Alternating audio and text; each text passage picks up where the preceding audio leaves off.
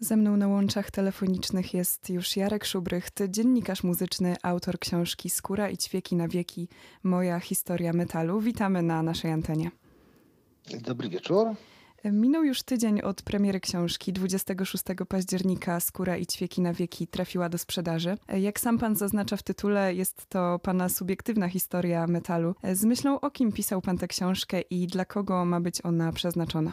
To jest trudne pytanie, bo ja nie szczególnie e, myślałem dużo o czytelniku podczas pisania książki i dopiero, dopiero kiedy ją kończyłem i kiedy oczekiwałem właściwie na, na wydanie, to zacząłem się zastanawiać, kto i w jakich okolicznościach będzie ją czytał i naprawdę mówiąc miałem nadzieję, że e, zagorzałych fanów metalu, tych, którzy głęboko siedzą w temacie, e, ona nie urazi nie obrazi i nie, nie, nie, nie znudzi, a że jednocześnie y, dla tych, którzy o metalu wiedzą niewiele, a chcieliby się więcej dowiedzieć, albo może nie wiedzą nic, a z jakichś powodów będą zainteresowani, bo może mają kogoś w rodzinie albo znajomych i, i chcieliby zrozumieć ich świat, że to dla nich będzie z kolei fascynująca lektura, a nie, nie będzie też zbyt hermetyczna, więc więc y, no, teraz już post factum mam nadzieję, że udało mi się utrzymać taką równowagę.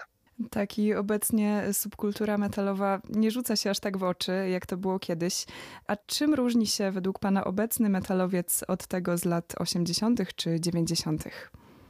Subkultury w ogóle się nie rzucają w oczy, bo mam wrażenie, że ich nie ma, a już na pewno nie pełnią takiego znaczenia, jakie pełniły właśnie pod koniec ubiegłego stulecia, kiedy no, kiedy były takimi armiami, do których się zapisywało na dobre i na złe, trzeba było prze, przestrzegać wewnętrznych, niepisanych e, oczywiście, ale, ale doskonale znanych wszystkim kodeksów, e, umundurowania, E, I, i, I, niespecjalnie mile widziane były jakiekolwiek e, zerkania w ogóle poza, poza to, co sposób bycia, życia, ale też e, dobór zainteresowań, które były dopuszczalne w ramach danej subkultury. To znaczy, no, metalowcy raczej nie pozwalali sobie na na przykład słuchanie innych rodzajów muzyki poza dozwolonymi wyjątkami. Jeżeli słuchali, to się tym nie chwalili. Więc to było wszystko takie bardzo restrykcyjne. Teraz tego oczywiście nie ma. Trochę internet pomógł, pomógł rozpuścić takie bardzo zamknięte grupy. Trochę przemiany, przemiany społeczne, ekonomiczne.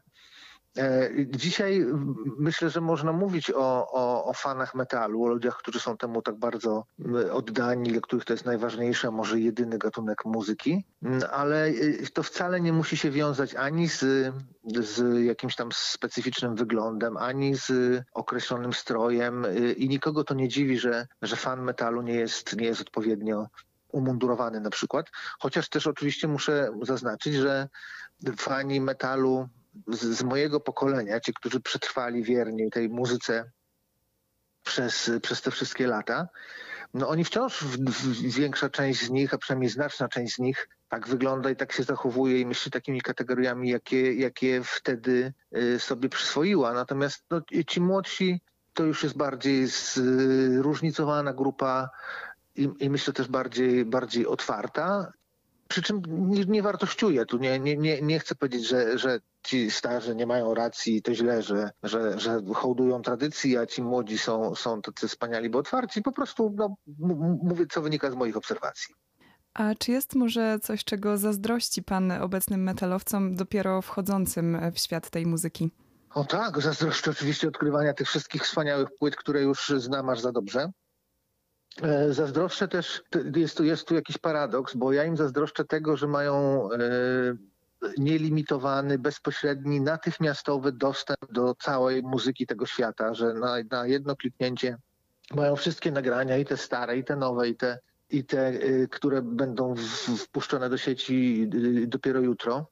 I y, no, wtedy to dalibyśmy się za to pokroić. Wtedy mam na myśli, mam na myśli lata 80., 90., kiedy, kiedy ja byłem nastoletnim y, fanem metalu wchodzącym w ten świat, bardzo głodnym muzyki, do której był limitowany dostęp. Ale paradoksem właśnie jest to, że, że ja wiem, że młodzi ludzie dzisiaj z kolei zazdroszczą nam pewnej specyfiki tamtych czasów, czyli, czyli właśnie tego, że było dziwnie trudno, że to wymagało wysiłku, walki, że to się wiązało z jakimiś takimi romantycznymi artefaktami, jak kasety, które trzeba było przegrywać, wysyłać, e, e, z wysiłkiem zdobywać. I coś jest na rzeczy w tym sensie, że że w, w związku z tym, że tej muzyki było tak mało i dostęp do niej tak bardzo ograniczony, my nie mieliśmy wyjścia, tylko mieliśmy czas na to, żeby te nagrania, które już były zdobyte, poznawać dogłębnie.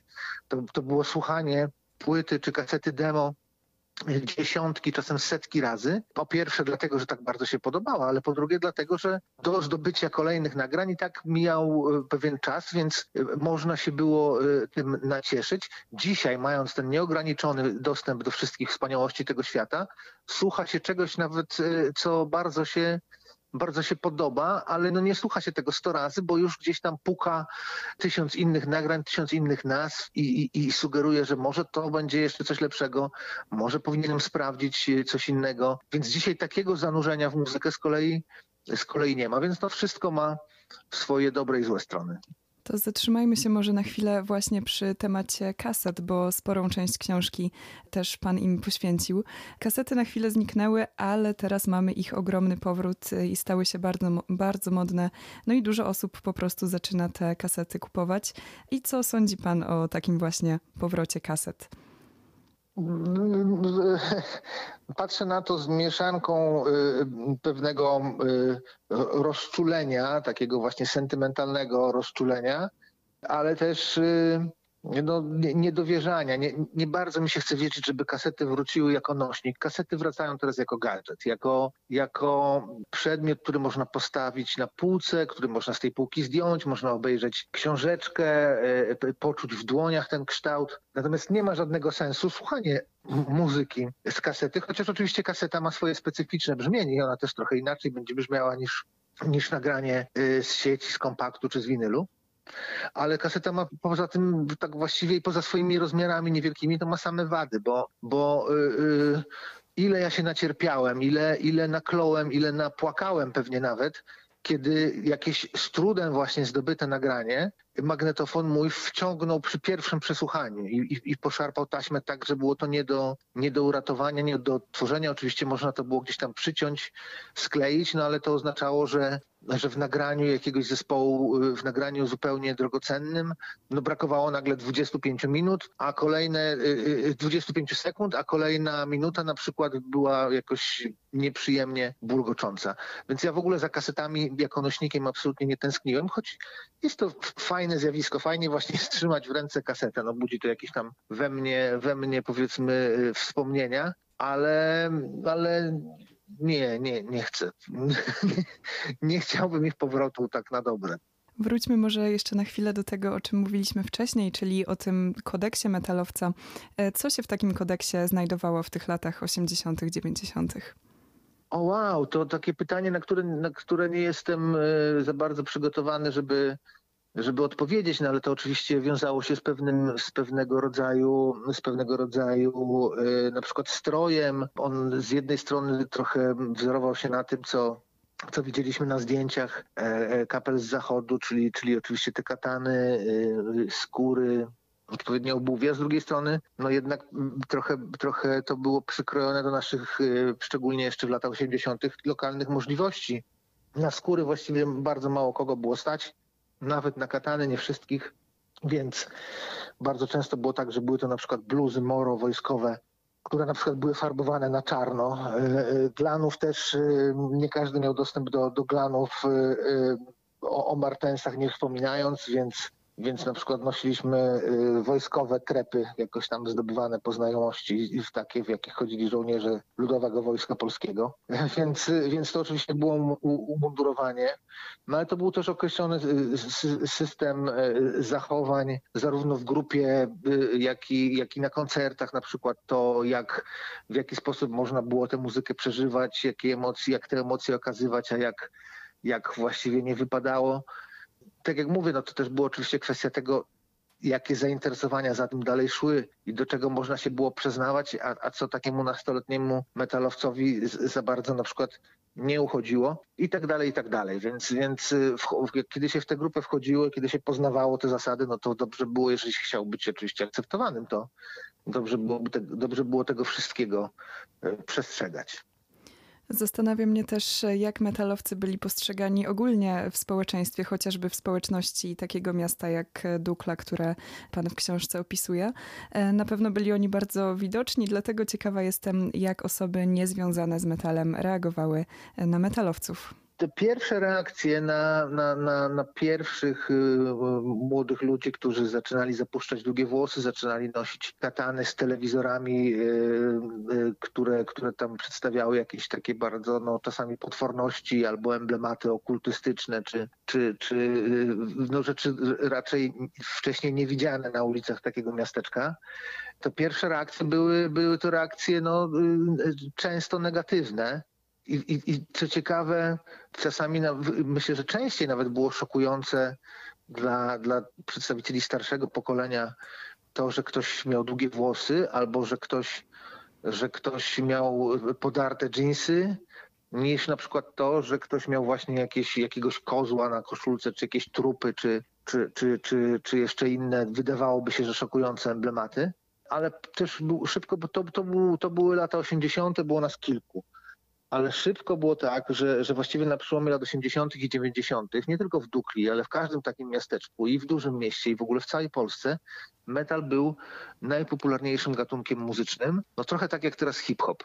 Wszyscy właściwie w pewnym momencie wtedy e, słuchali metalu, a nawet ci, którzy, którzy niespecjalnie się tym fascynowali, też próbowali słuchać, żeby nie wypaść z towarzyskiego obiegu. I też zawsze gdzieś tam przynajmniej jakaś jedna kaseta metaliki, sepultury, w najgorszym wypadku taka, takie składanki pirackie, to się nazywało metalowe ballady, okropieństwo, ale też to było, sprzedawało się i ci, i ci którzy którzy bardzo chcieli, a jednocześnie odrzucała ich agresja tej muzyki, to brutalne brzmienie, to oni przynajmniej te metalowe ballady mieli, żeby mieć o czym, o czym, o czym rozmawiać z rówieśnikami.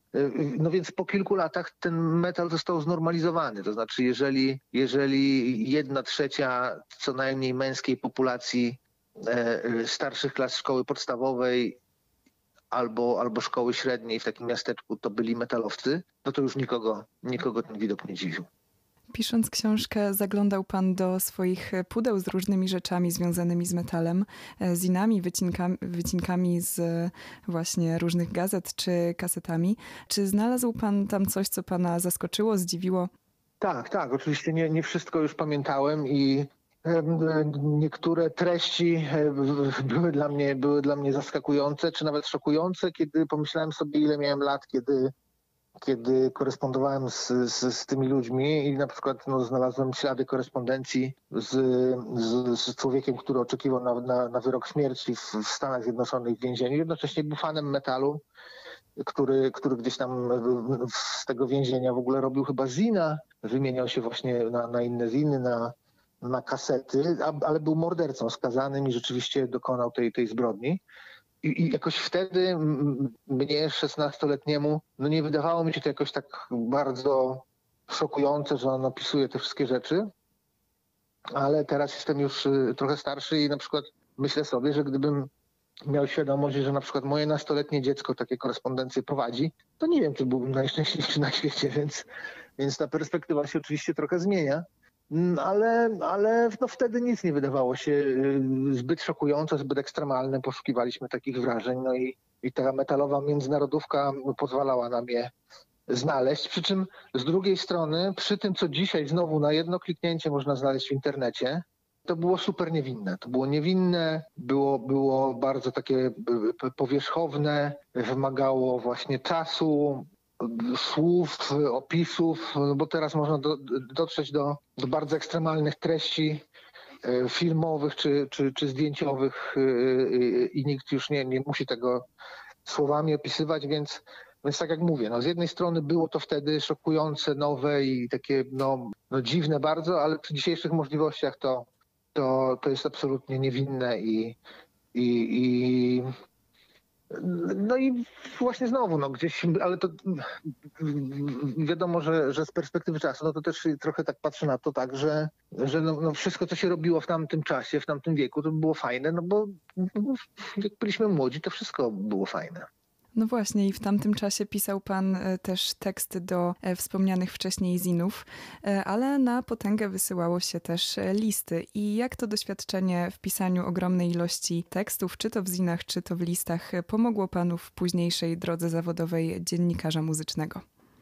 No chyba pomogło, bo rzeczywiście, jeżeli ktoś chce pisać yy, cokolwiek, niekoniecznie recenzje płyt jak ja, czy, czy, czy teksty o muzyce popularnej, ale jeżeli po prostu chce, chce zarabiać na życie pisaniem, to chyba no, najlepsze, co może zrobić, to po prostu dużo pisać. A ja nawet nie myśląc o tym, że, że moje życie tak się potoczy, że będę kiedyś dziennikarzem, że będę, że będę pisał i wydawał książki, po prostu bardzo dużo pisałem.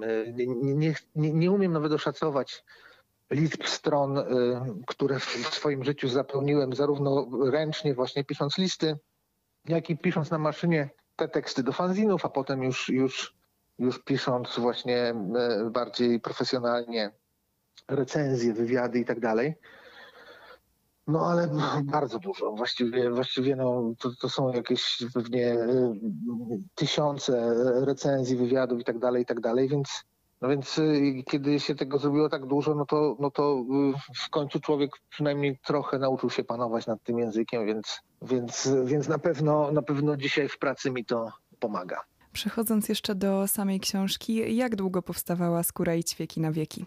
Niedługo, dlatego że to jest y, moja pierwsza i na razie jedyna książka, która nie wymagała gruntownego researchu, nie wymagała wypytywania dziesiątek y, świadków, y, przekopywania archiwów. Po prostu siadałem i pisałem. Kiedy już wiedziałem, co chcę napisać, kiedy wiedziałem, jaki będzie kolejny rozdział, kolejny temat, to, to pisałem to, co miałem w głowie. Jeżeli czegoś nie miałem, to uznawałem, że w takim razie y, nie muszę się na tym specjalnie skupiać, bo to jest moja historia metalu, więc skoro o tym nie pamiętam, to, to ja z tej swojej perspektywy tego nie muszę przedstawiać. Tych, tych spojrzeń na, na, na metal może być tak dużo, że, że bardzo czekam na, na kolejne, a były też wcześniejsze, więc, więc to oczywiście nie jest tak, że ja miałem ambicje, żeby jakoś wyczerpać temat. No pisałem to po prostu, e, to zjawisko ze swojej, ze swojej perspektywy i nie musiałem specjalnie dzięki temu, e, dzięki temu gdzieś tam grzebać w źródłach, choć oczywiście posiłkowałem się trochę tymi wspomnianymi już już pudłami i znaleziskami w nich. Czasami oczywiście sprawdzałem daty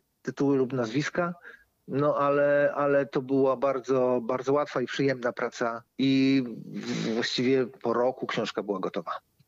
Na koniec chciałam poruszyć jeszcze temat okładki książki. Zaprojektował ją Macio Moretti, ale znajduje się na niej też czarno-białe zdjęcie i właśnie chciałam zapytać o historię tej fotografii. To jestem ja z kolegami z bloku i jesteśmy, jak widać na zdjęciu, doskonale młodocianymi metalowcami. Kończą się wakacje i nie jestem pewien, ale wydaje mi się, że pretekstem do zrobienia tych zdjęć było to, że, że wraz z nastaniem nowego roku szkolnego my chyba albo może tylko ja, musieliśmy trochę przyciąć włosy, które jak widać na tym zdjęciu nie były szczególnie długie, ale, ale, ale wtedy widocznie, widocznie były nawet trochę za długie jak na te standardy panujące, panujące w szkole, i, a już na pewno musieliśmy się przebrać z tych naszych letnich e, metalowych e, wdzianek, więc postanowiliśmy e, nasz, nasz wizerunek właśnie taki zaangażowany uwiecznić na, na fotografiach i namówiliśmy mojego ojca, który gdzieś tam amatorsko lubił robić zdjęcia, żeby żeby nam zrobił kilka. Jest ich kilkanaście z tej serii, mamy ich kilkanaście. One, one robione były w Dukli nad rzeką, nieopodal, nieopodal Tartaku. Um, i, I kiedy już wpadliśmy na pomysł, to, to był pomysł Macia zresztą, żeby to było właśnie okładka kasety stylizowana na te, na te wkładki deck, wtedy bardzo popularne, no to wciąż nie wiedzieliśmy jaki, jakie zdjęcie, jaką ilustrację może ta okładka przedstawiać proponowałem mu kilka rzeczy, między innymi jakieś tam rysunki, które wtedy też w tamtym czasie mniej więcej robiłem, różne tam inne historie. No ale kiedy zobaczył to zdjęcie, to już powiedział, dobra, nie szukaj, to musi być to. Więc absolutnie nie planowałem swojej obecności na okładce tej książki, ale, ale autor okładki y, był bardzo stanowczy i, i, i, i no i chyba, chyba miał rację, bo, bo widzę reakcję na tę okładkę. Wiem, że ona się bardzo podoba. No zresztą jest, no, ja jestem zachwycony. Uważam, że Macie jest absolutnie geniuszem, bo oddał właściwie w tej okładce wszystko, co tam, co tam w tej książce się zawiera i jeszcze trochę. E, No i tak, tak to, tak to się ta historia po, o, no nie wiem, nie, nie potrafię nawet policzyć y, i, i, ile, to, ile to lat, ale, ale dobrze ponad, ponad 30 lat temu ta fotografia została wykonana. Książka Skóra i ćwieki na wieki Moja historia metalu. Zachęcamy do zapoznania się z tą niezmiernie ciekawą lekturą nie tylko fanów metalu. Naszym gościem był autor książki Jarek Szubrych. Dziękujemy bardzo za rozmowę i do usłyszenia. Dziękuję pięknie, do usłyszenia.